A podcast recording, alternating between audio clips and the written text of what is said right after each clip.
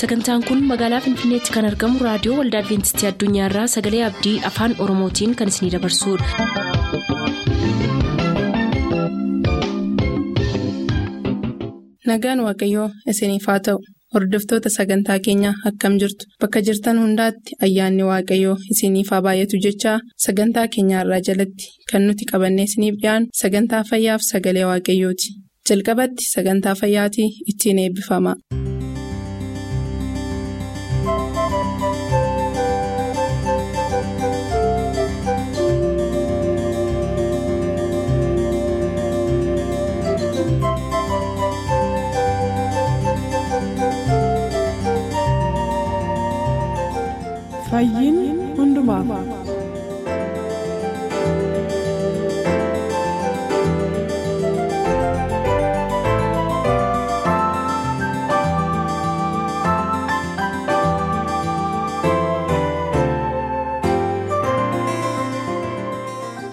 Akkam jirtu kabajamoof jaallatamoo dhaggeeffatoota keenyaa kun sagantaa fayyaati.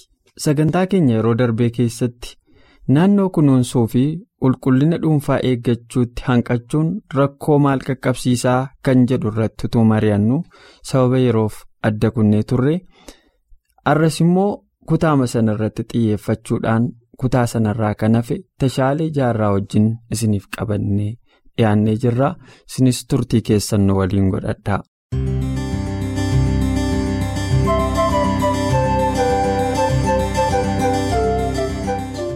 Namni tokko immoo reedii dhukkubsateera jennu. Karaa kamiinis haa ta'u? Seera waaqayyoo irra daddarbuun isa ta'u? Seera naannoo isaatii kabajuu dhiisuun isa ta'u dhukkubsate haa jennu? Namni tokko erga dhukkubsatee booda kanurraa eegamu maal? Amma namni dhukkubsate sani maal godhuu qabaa? Waa'een fayyaa fi waa'ee dhukkubaa irratti dubbachaa jirru waan ta'eef fayyaa ofii dursanii eeggachuun akkuma jirutti ta'e. Namni tokko miinsii kamiin isaa dhukkubsatu rakkoo kamiin fayyaansaa haa hubamu garuu erga fayyaansaa miidhamee booda wanti nu gochuu qabu wanti namni dhukkubsate sanarraa eegamu maalimee naannoo kanattis waan gorsitu yoo qabaatte. Namni dhukkubsate maal godhuu qaba nutis ammoo gaheen keenya maali? Gaheen keenyas maaliya?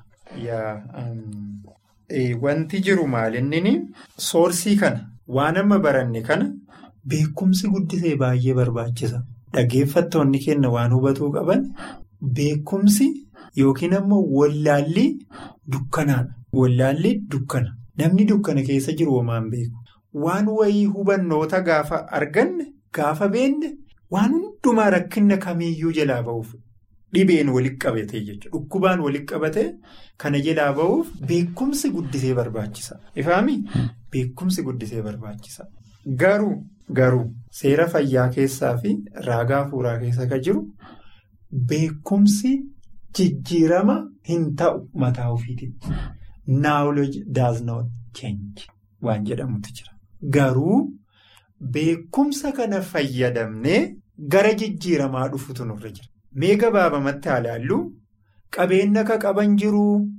Asiimii biyya fedhan dhaqanii namni yaalamuu danda'u jiru. Qabeenya baay'ee qabu. Garuu beekumsa hin qaban.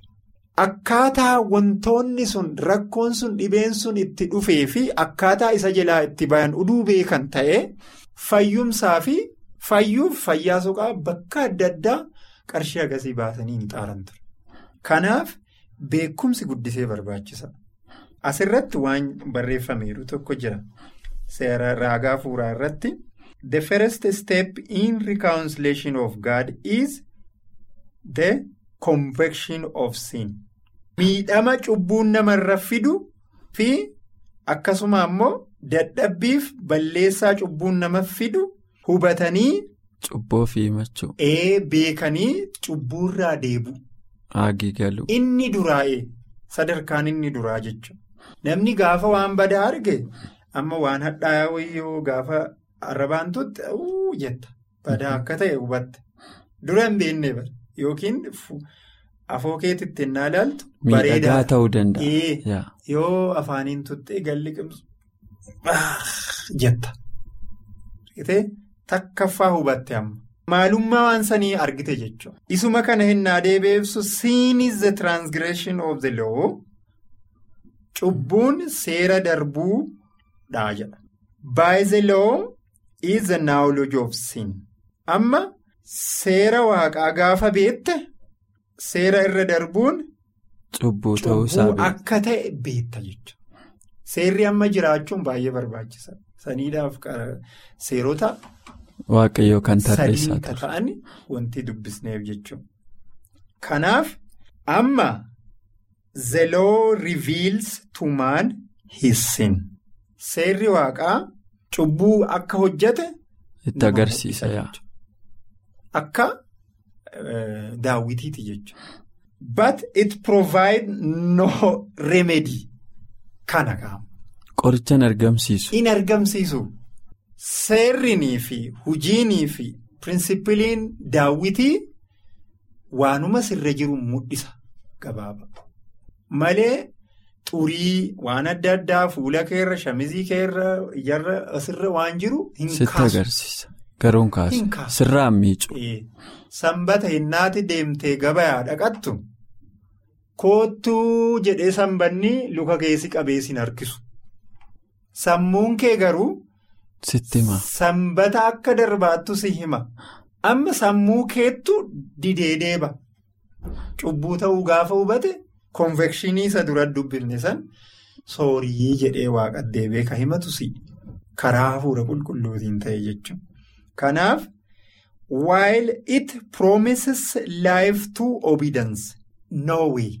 Sanbatuma balleessite sani seeruma fayyaa ka dhugaatii dhuddee waan adda addaa caatii sigaara waan adda addaa waan adda addaatiin alkooliin balleessite sani dhiifteetu deebitee isa jireenya laayif istaayilii gaarii ta'e jiraattee as deebite malee womaa wanti gootu hin jiru. Qaamni kan kee bada jedhee wannan jedhu siigalee sammuu keettuu kana godha jechuudha. Garuma ajajamuu si deebisa. Carraan jiru san jedha. Inni biraa immoo it declares that days is the portion of the transgression. Karaa biraatiin amma seerri maal si hima? Dhumarra du'uu kan keellee si hima. Dura dubbanne irraami seera bahuu keessa. Yoo kanaan itti fufte yoo akkas taate yoo akkas taate dhumti isaa maali jedha? Du'a. Kana kana kana taata. Yoo na ajajamte. Yoo naan ajajamin ammoo kana kana kana. Bu'aa isaa jechuudha. Kanaafi isa kana sirriitti beekuu qabna. Nama yaaluu irrattis karaa dhibeenis karaa nama yaaluu irrattis maal godhuu qabna waan jedhuufi nu duraan dursinee nama barsiisu. Argitee nama barsiisuu qabna. Kanaafi nama murteessuu hin qabnu jedhee wanti dura dubbadheef inni tokkoffaani. Barsiisuudha. Gara laafummaan jaalalaan sirriitti. Nama barsiisu. Ee hurrii tokko malee konfishinii tokko malee sirriitti ifa godhaatii nama barsiisaa barsiisaa ammas Barsiisaa. Osoo namni hundinuu gaafa namni cubbuu hojjate irraa sammuun namaa dhidhuudha. Kan nama hundumaatu. Ka baratee baay'ee riisarchii guddaa iskoolaarii cima jennus dhidhuudha. Kanarraa ka ka'e namni hundinuu uduu beekee guutummaa waaqaa bira ga'ee jiraate ta'ee manni barnootaa bakka adda addaatti hin baay'atu ture. Nama barsiisuun hin Barbaachisu ture. Beekamu maaliif barsiifta? Kanaaf namni dhidhuudha. Barachuu qaba. Barachuu qaba. Yeroo mara. Kanaaf harka sadii dubbatte. Amma akka nama tokko akka meedikaal mishiinariitti akka warra tajaajila fayyisuu kennutti barsiisuu fi barsiisuuf barsiisuu qofa. Carraan inni dhumaa kan qabnu jechuudha. Haga dhufa kiristoos. Kanaaf carraa arganneen ammoo ofii kennaa itti jiraata kiristoos ennaa barsiisu waanuma ofiitti jiraatu namoota illee barsiisaa ture hojjetaas ture jechuudha. Kana waan dandeenyu hin hojjanne namni hin argaamii hin barsiifne amma rakkoon kiyya ana malli maal waan ofii hin hojjanne tokko namni yooma sana akkana bira dhaabsisu barbaada. Hadhumatan. Hadhuma. Ee har'umatan suniin ajjeesa malee barsiisuun jedhama. Lola fida jeequmsa fida. Fakkeenyaaf yoo hin dhuga ta'ee namni dhugaatii macheessu dhugu tokko har'a hin dhaabdu taanaan ittee dhiibbaa irra geggeessu. Ee har'umatan. Yoo hin xuuxa ta'e. Dhaabi Baddee taarra hin dhaabdu taanaan duuteettee ammuma dirqisiisu. Kana gaa. Phexroosiin jijjiiruuf waggaa meeqatti fudhate yesus Waggaa sadii. Sadii walakkaa obsa qabaachuu qabna barsiisuu barsiisuu barsiisuu jettee wanti dubbata. Sanuu intelejantilii baay'ee karaa waayizii ta'een karaa metidii mishaa ta'een gara laafumni qarummaanii fi akkasuma ammoo akka koonfishinii keessa namni seenutti duun taane ifatti sirriitti kiliirii gootee kophee nama saniitiin jechuudha. Andarstaandingii nama sanii yookiin ammoo hubannoota nama saniitiin. Ati maastarsiidha. Ati nama amantii yeroo baay'ee tureeru ta'a. Ati nama doktoreetii barateeru ta'a. Namni sun garuu qotee bulaadha. Namni sun garuu daldalaadha. Namni sun garuu nama ijjiin argine nama afaan isaan dubbanne nama barreessuu hin dandeenye nama gurraan hin dhageenye. Sadarkaa sadarkaa hawaasni itti jiraatuun barsiisuu qabna. Egaa waan barsiisuu dubbanne hin oolle asumaan dhageeffattoota keenya waan jechuu qabutu jira. Nu akka meedikaal mishineeriititti akka warra ergaa ergamoota sadiinii baateerutti keessumaayyuu ergaa ergamticha sadaffaa. Isa mata duree oduu yookiin ammoo isa gurguddaa oduu. Misraachoo gammachuu kana kan adunyaa walitti dhumatti goolabu kun ergaa ergamoota sadiini. Ergaan fayyaa isa tokkoffaadha. Haarawummaan dhugaa oduu hin dhufneen dura wanti duraan bakka qabatee deemuu qabuuf hojjetuu qabu lubboota karaan ittiin geennu inni jalqabaa haarawummaa dhugaatiif before true reformation jedha. Inni guddaan maalinni ergaa fayyaati jedha. Ergaan fayyaa. Harka mirgaa ergaa ergamoota sadiiniiti jedha. Lubbuu guutuu biyyaatitti karaa adda addaatiin qaamaan sammuun hawaasummaan dhiphataattu karaan itti ga'uu dandeenyuun inni tokkoffaan meedikaal mishiinerii yookiin ergaa fayyaati jedha. Eega kana ta'e. Akka adventistiitti wanti nu hubatuu qabnu emmii sadii. Emmii sadii kun maanni maseejii, masinjarii, meetidii. Ifaami? Maseejiin yookiin ergaan maali? Ergaan maali? Ergaa ergamoota sadiiniiti. Ergamtoonni hoo ergamtoonni eenyuunni anaabsi. Nu'u jechuun akka milkiyaasii afur jaharra jiru san jechuudha. Eeliyaasii sadaffaa isa dhumaa jechuudha. Ergaa ergamtoota sadiinii jechuudha. Emmiin sadaffaa hoo meetidii yookiin ammoo tooftaa. Nu amma kamii dheeru meetidii dhabu. Keessumaayyuu waan kamii dheeru meetidii dhabu. Ifaami?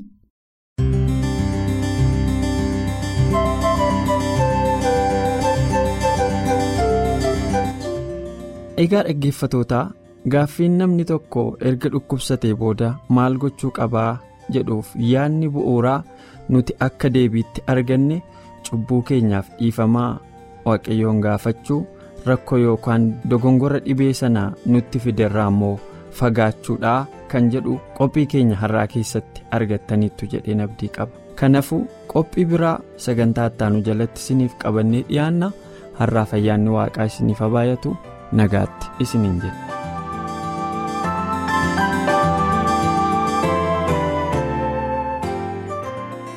turtanii reediyoo keessan kan banattaniif kun reediyoo adventistii addunyaa sagalee abdiiti. kanatti aansee sagalee waaqayyootu isiniif dhiyaataatii nu waliin tura.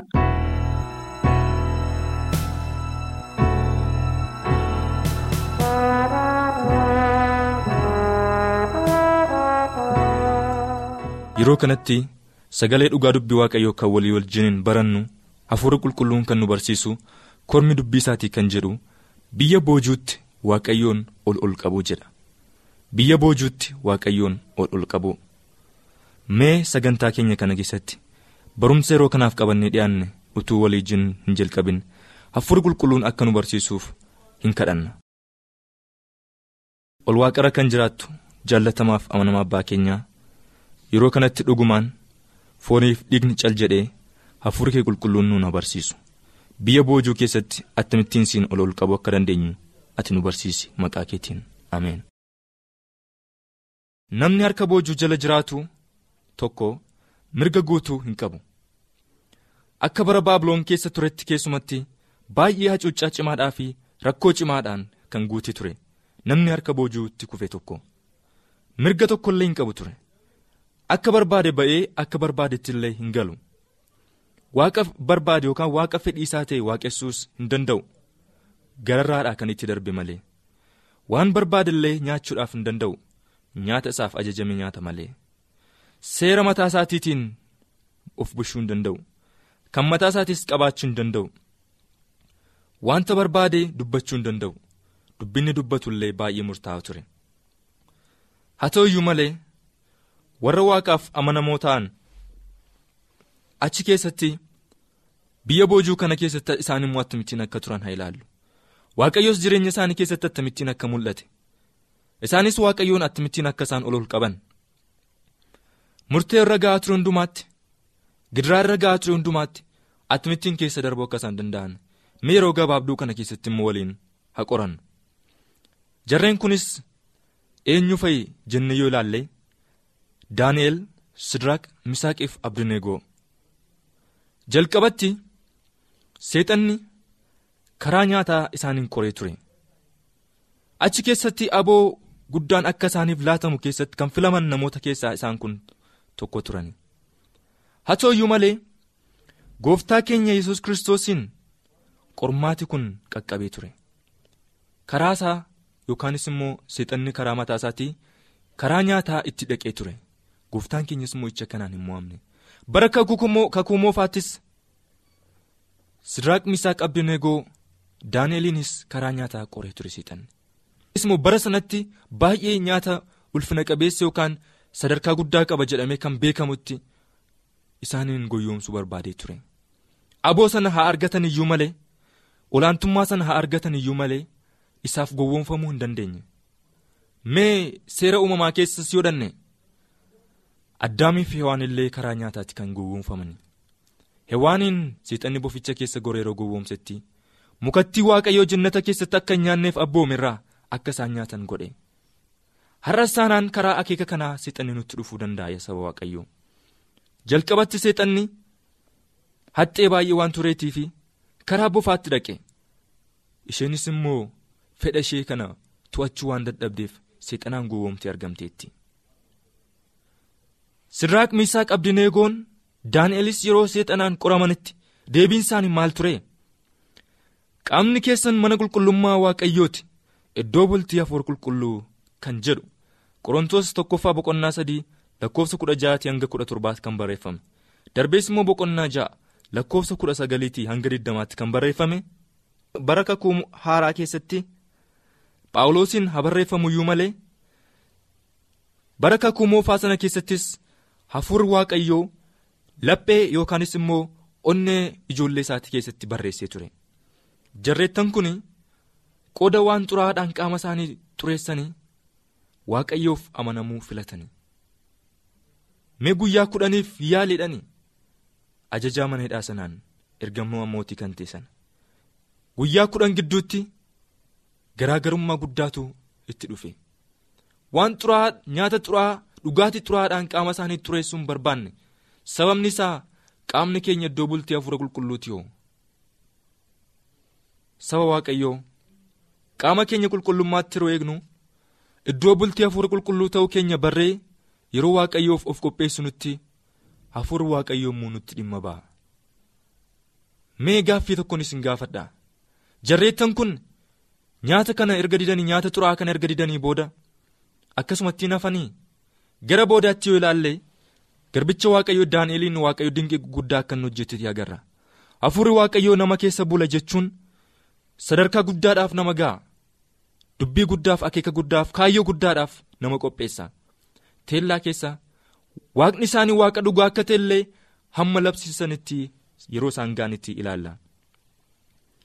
kana qofas miti mootiin naabukadnaatsor bifa fakkeenyaatiif akka isaan sagadan illee barbaadee ture. Hamma abidda keessa bu'anitti illee baay'ee kan nama ajaa'ibsiisudha. Murtii guddaan irratti darbee ture. Daani'el boqonnaa sadii lakkoofsa tokko kaasanii yoo dhaqxanii dubbifattan argachuu ni dandeessu. bifa fakkeenyichaatiif hin sagannu jedhan akkuma sila dubbannetti namni harka boojuu jala jiru waan barbaade waaqessuu hin danda'u. Kanaaf waaqa tolfamaa dhaabee seeratti baase namni harka boojuu jala jiru waan barbaade nyaachuu hin danda'u. Nyaata murtaawaa ta'e nyaata ajajamaa ta'e akka isaan nyaataniif seeritti darbe hin didanii. Namni bifa fakkeenyaa kanaaf gad jedhee hin waaqessine yoo jiraate diinii ibidda guddaa sanatti akka inni gatamu dachaa torba kan boba'u akka itti gatamutti seerritti ba'ee ture. Sodaan abiddaa kaayyoo isaan qabaatan irraa teellaa deebisuu danda'eera gonkumaa hin dandeenye. Hafuurri waaqa jiraataa isaan keessa boqotee kan jiru humna abiddaa dhaamsuu kan danda'udha waan ta'eetiif abiddichaaf tokko illee bitamuu hin dandeenye. Sodaan abiddaa kaayyoo qabatan sodaa waaqayyoof qaban irraa teellaa isaan deebisuu gonkumaa hin dandeenye. Yaa saba waaqayyoo murtee nuti xinneedha jennee tuffannu. Murtee guddaa fuuldura keenya jirutti ga'ee guddaa taphatu qaba. Odoo nyaata sanaan gowwoomfaman ta'e kun rakkoo maalii qaba jedhanii utuu nyaatan ta'e? Qaama isaanii odoo xureessan ta'eeti. Dinqii guddaa kanaaf dhaabachuu hin danda'an turan. Qormaata xiqqoodha jedhanii utuu hin tuffatin. Sadarkaadhuma sadarkaadhaan jireenya isaanii irratti yeroo inni argataa deeme humna hafuura qulqulluus caalaa caalaatti isaan keessa bulaa deeme gara dhumaatti illee hamma lubbuu isaanii dabarsanii kennanitti dhaabachuu danda'aniiru. Baay'ee kan nama ajaa'ibsiisu. Humni waaqayyoo abidda dhaamsuu hin danda'a abidda keessa seenuudhaan gooftaan keenya kiristoos harka isaatiin qabee yeroo inni isaan baasu agara. Rifeensi mataa isaanii tokko illee utuu hin gubatin ba'uu danda'aniiru. Isaan qofas miti. Daani'el mataan isaallee hanga afaan leencaa keessatti darbatamutti ga'eera. Daani'el boqonnaa ja'a lakkoofsa tokkoo kaatanii yoo dubbifattan seenaa kana gootummaatti argachuu ni dandeessu. Homti nu waaqa isaa kadhachuu akka hin dandeenye seeratti baasanii mootii biratti yeroo sanatti daani'el baay'isee jaallatamaa ture. Sababa kanarraan kan ka'e mootichi daariyoos illee baay'ee jaallata ture. Daani'el ogummaadhaan waan gooteetiif daani'el baay'ee waaqayyo afur waaqayyo waan irra buufateef ayyaana waan qabuuf baay'ee jaallatamaa ture. Hinaaffaa kanarraan kan ka'e warri isaa wajjin hojjetan illee lubbuunsaa akka inni ittiin darbuu fi akeeka adda addaa baasan.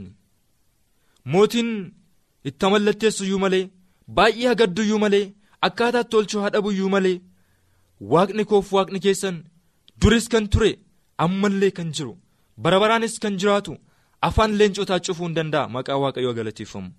Kanaaf yaa saba waaqayyoo daani'elis walitti dhufeenya waaqayyoo wajjiniin qabu qooda kutuu afaan leencaa keessa bu'uu filate.